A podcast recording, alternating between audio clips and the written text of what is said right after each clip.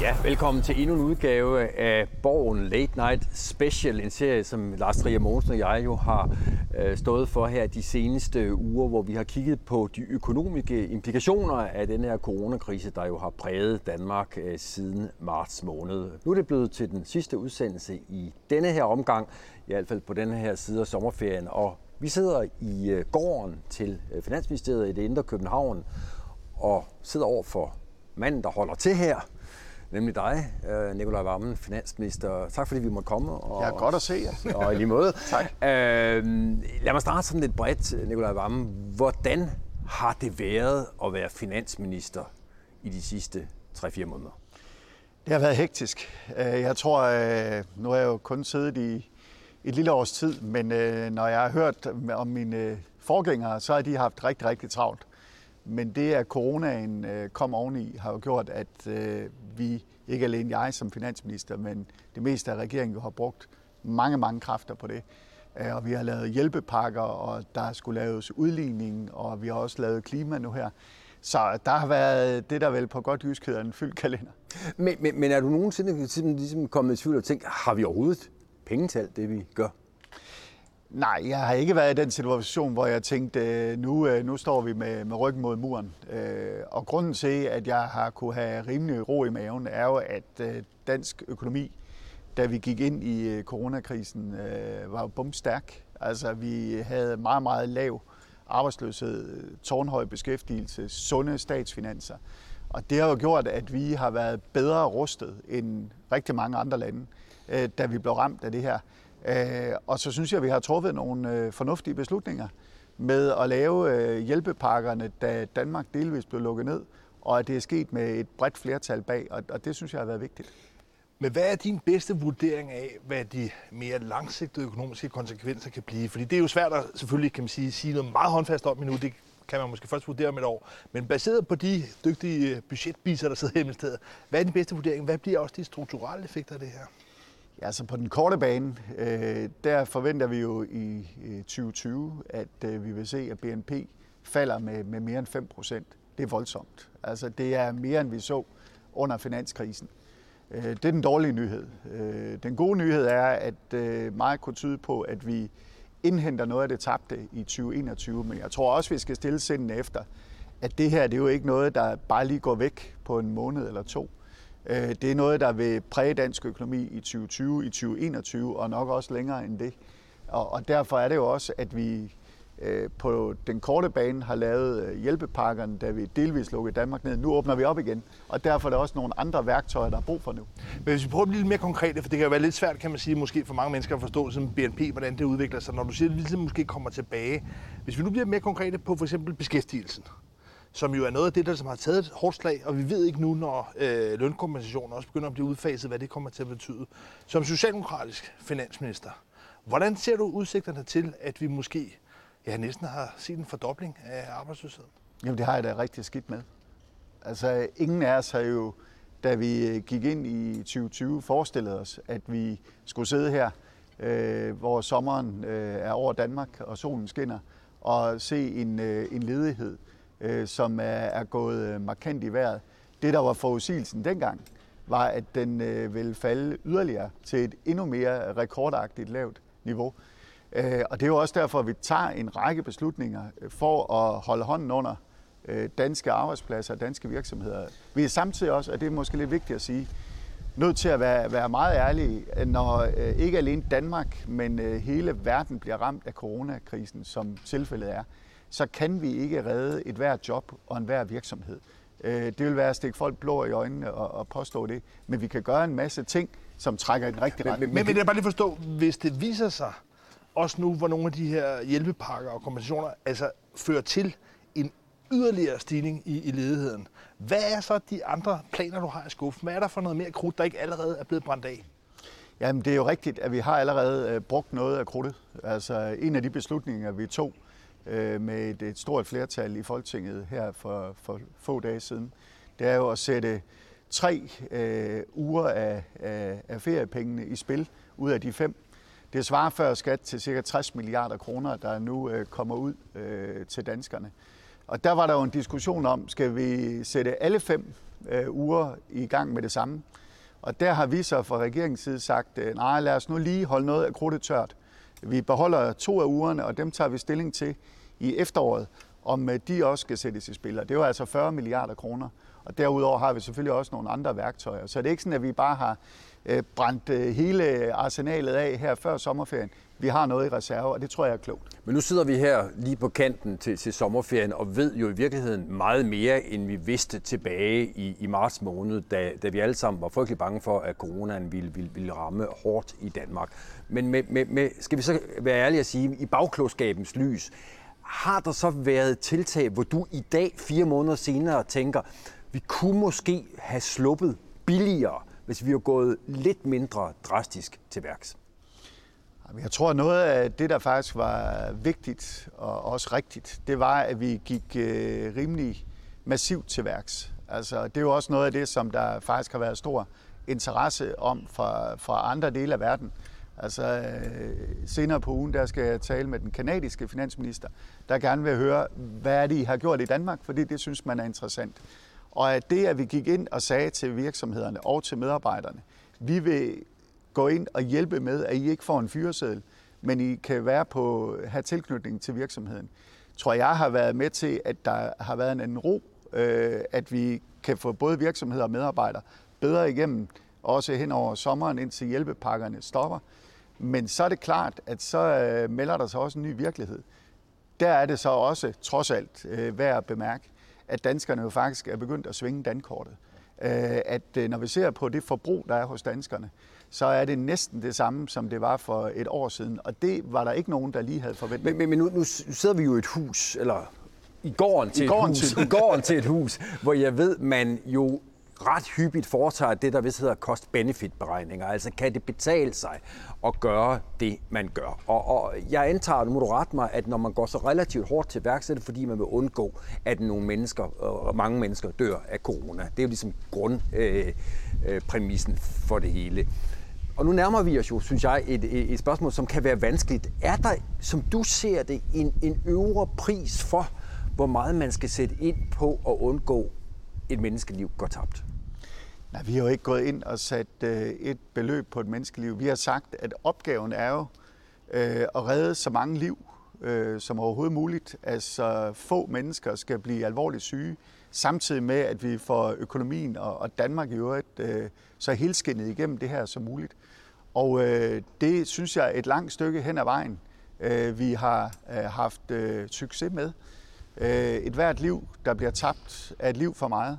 Men øh, vi må også se i forhold til andre lande, som har været hårdere ramt, der tror jeg, det har været klogt, at vi øh, har været hurtige til på den ene side at, at lukke ned øh, delvist, lave nogle restriktioner, og samtidig også lave nogle økonomiske hjælpepakker, som mens vi gjorde det, øh, holdt hånden under nogle mennesker. Men, men diskussionen bliver jo, og det kan jeg jo godt høre, når jeg stiller spørgsmålet, nemt sådan meget kynisk, men, men, men anerkender du, Nikolaj Vammen, at vi i andre sammenhænge i det her samfund foretager denne her prioriteringsafvejning? Skal vi bruge x antal millioner kroner for at sikre, at der ikke går x antal øh, menneskeliv tabt? Anerkender du, at den afvejning foretages i alle andre sammenhænge i Danmark? Nej, det synes jeg ikke, den gør i alle andre sammenhænge. I sundhedsvæsenet for eksempel? Jamen, det er jo ikke sådan, at når vi sidder og laver finanslov, øh, så når vi øh, sidste gang, vi lavede finanslov, beslutter, at vi øh, vil have 1000 flere sygeplejersker, at vi så laver et eller andet regnestykke i forhold til, hvad kunne man have fået der, hvor mange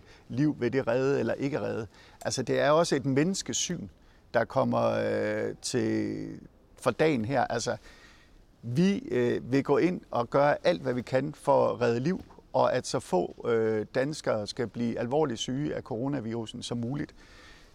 Det gør vi så øh, ved at tage en række tiltag, og blandt andet også ved, at vi delvist lukkede Danmark ned. Men samtidig så er der også en stor del af Danmark, der har været i gang. Produktionsvirksomheder, vores øh, dagligvarerbutikker, mange andre dele af det danske samfund. Og nu er vi jo ved at åbne op igen. Og, og, og, og ja, på et tidspunkt vil man jo sætte sig ned og se på, hvad, hvad gjorde vi rigtigt, hvad gjorde vi forkert. Og, og det, når, når man gør det, så vil man forhåbentlig se, at øh, hovedparten af de beslutninger, vi tog, var kloge. Og der vil sikkert også være nogen, hvor man sagde, hvis man øh, havde vidst det, man vidste senere, så skulle man have gjort noget andet. Men Nicolai Vammen, der er jo nogen tvivl om, at der har været meget bred, altså historisk bred opbakning i Folketinget, og det er også noget, der tyder på i målingerne, at, at regeringen og hele det flertal så i virkeligheden også har meget bred opbakning til de beslutninger, jeg har truffet. Men derfor er der jo alligevel nogle, nogle eftertanker, også når vi kigger videre frem i forhold til nogle af de måske politiske effekter. Og jeg kan ikke noget med at tænke på i forhold til, til sundhedsdebatten, hvor det jo hele tiden er, at man bruger et vist antal milliarder nu er man så måske altså, hævet rammen. Men jeg kan lade mig tænke på videre frem, at når vi ligesom har set det her forløb, hvor man meget resolut er gået ind og har investeret det, det krævede, hvad det kommer til at betyde fremadrettet, fordi altså, for eksempel det, der hedder medicinrådet, hvor man sidder og laver den her afvejning, der har man sådan en beregning, hvor det er sådan groft sagt, er, at man vurderer, at man vil investere en halv million kroner i det, der hedder et kvalitetsjusteret leveår. Det er sådan en meget, kan man sige, kold beregning.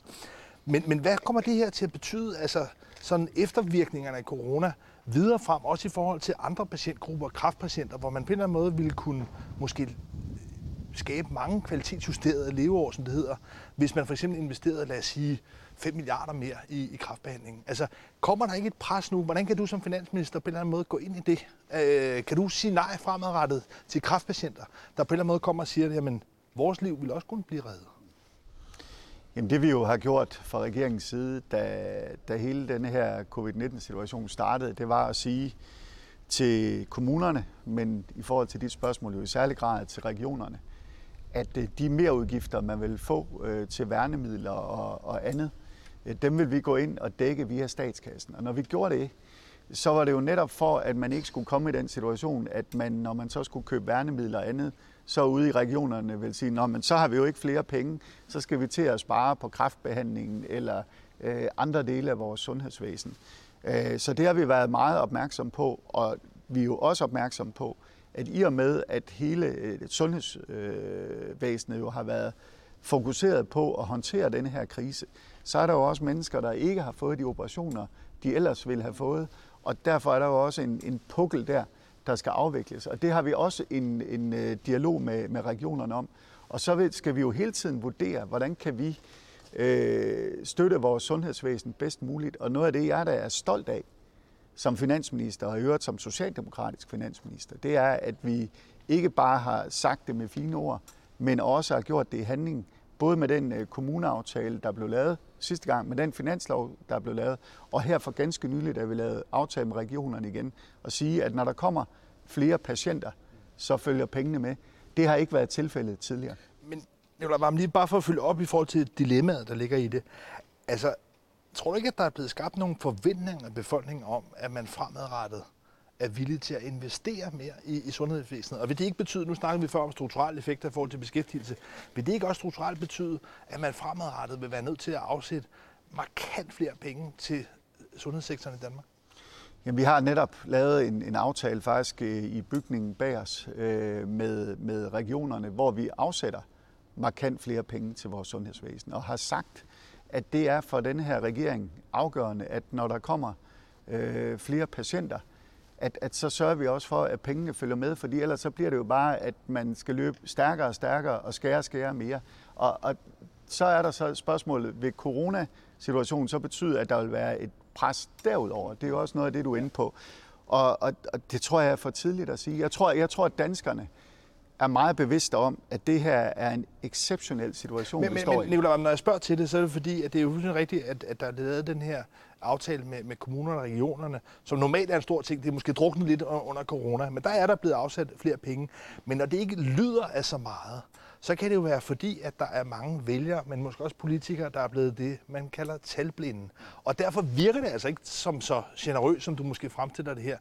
Der er simpelthen forventninger om mere. Altså er der ikke sket en, en forvridning af hele proportionssansen, også i den politiske debat, med alle de her milliardbeløb, der har vivlet rundt? Jeg tror i hvert fald, det er rigtigt, at der er i og med, at vi har haft så store milliardbeløb i spil, så tror jeg, at øh, der kan være nogen, der har tænkt, øh, også blandt politikere, øh, jamen, så kan vi komme med alle mulige forslag.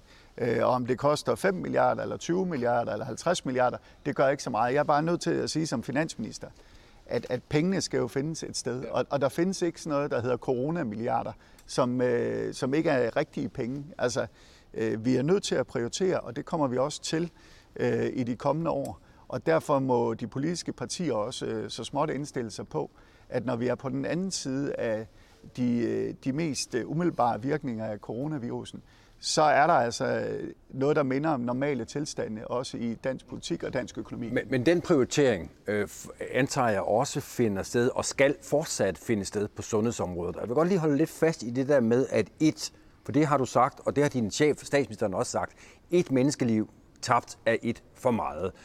Gælder det også, når en kræftpatient kommer og siger, jeg kunne egentlig blive helbredt, men min behandling er simpelthen så dyr, at Danmark hidtil har vurderet, at det er der ikke råd til.